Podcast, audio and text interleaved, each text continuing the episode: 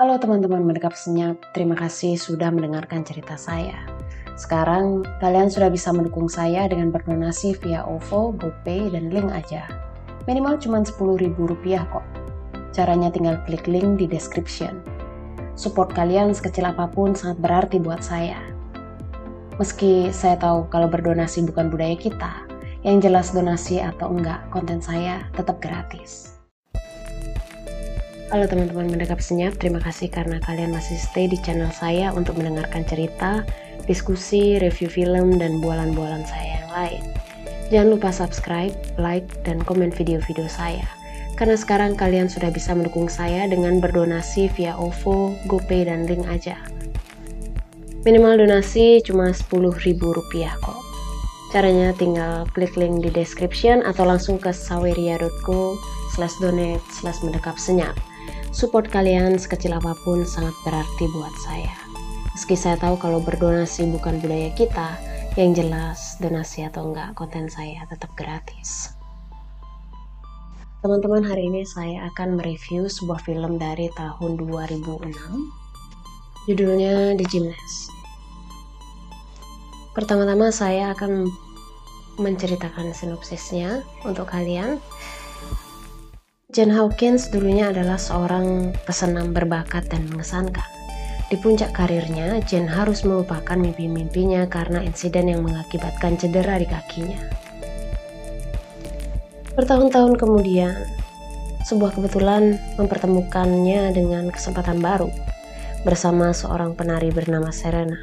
Di tengah kosongan dalam pernikahannya, uh, for your information dia pengen banget punya anak dengan suaminya sementara suaminya tidak ingin punya anak Serena mengisi kekosongan tersebut dan membuat hidup Jane lebih berwarna dalam persiapan pertunjukan di Las Vegas, ketertarikan di antara keduanya tidak dapat dihindari lagi.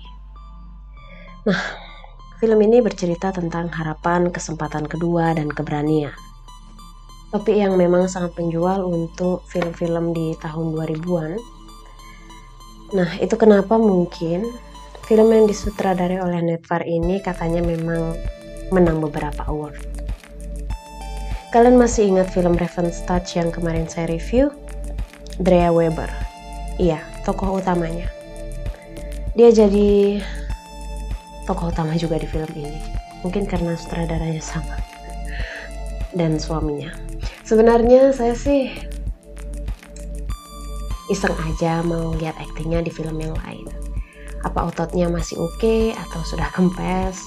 Dan ternyata uh, di film ini dia main jauh lebih bagus dari film Touch itu. Meskipun kayaknya Touch dibikin setelah The Gymnast ini. I mean porsi badan dan inner karakternya masuk banget di film The Gymnast ini dengan lekuk tubuh seperti itu mencerminkan proses perjuangan si tokoh Jin sebagai mantan pesenam. Karena dari awal saya sudah muji-muji film ini, jadi saya lanjut aja ya. Saya nggak tahu apa saya suka film ini karena aktingnya, atau karena endingnya, atau sekali lagi karena ototnya Dre Weber yang... Uh, bener sih, kita memang nggak bisa menilai bagus atau enggaknya aktor dari satu film aja. Kebetulan Drea Weber seringnya uh, jadi tokoh dengan karakter dan orientasi seksual yang beda dari orang pada umumnya. Jadi menurut saya uh, ceritanya oke, okay, tapi klise di saat yang sama tentang straight married by curious woman yang falls in love sama misterius artsy lesbian woman yang uh, membangkitkan sisi lain dari dia. Adventurous side gitu. Cerita seklise itu menurut saya rentetan alurnya diceritakan terlalu lambat. Saya berharapnya film ini akan sedinamis gerakan tariannya atau dibikin lebih liar shotnya atau pengambilan gambarnya tapi di luar itu semua, dialog dalam film ini lumayan nyentil. Nggak cuma orientasi seksual dan pilihan. Dialog-dialog film ini banyak membahas soal identitas, rasisme, dan dunia atlet yang sebenarnya yang dikemas dengan cara yang apik sebagai joke misalnya. Jadi overall, film ini terkesan sederhana dan sangat bisa dimengerti oleh kalangan apa pun di atas 13 tahun. Oh ya, tahun 2020 kemarin sequel film ini keluar, judulnya The Aerialist. Saya maunya bikin reviewnya juga, kebetulan karena tokohnya masih sama, yaitu Jen Hawkins yang dimainkan oleh Drea Weber dengan sutradara yang sama, Ned Far. Saya juga udah nonton filmnya, tapi karena nggak lagi membahas tentang orientasi seksual secara mendalam, jadi saya gabung aja di review ini ya.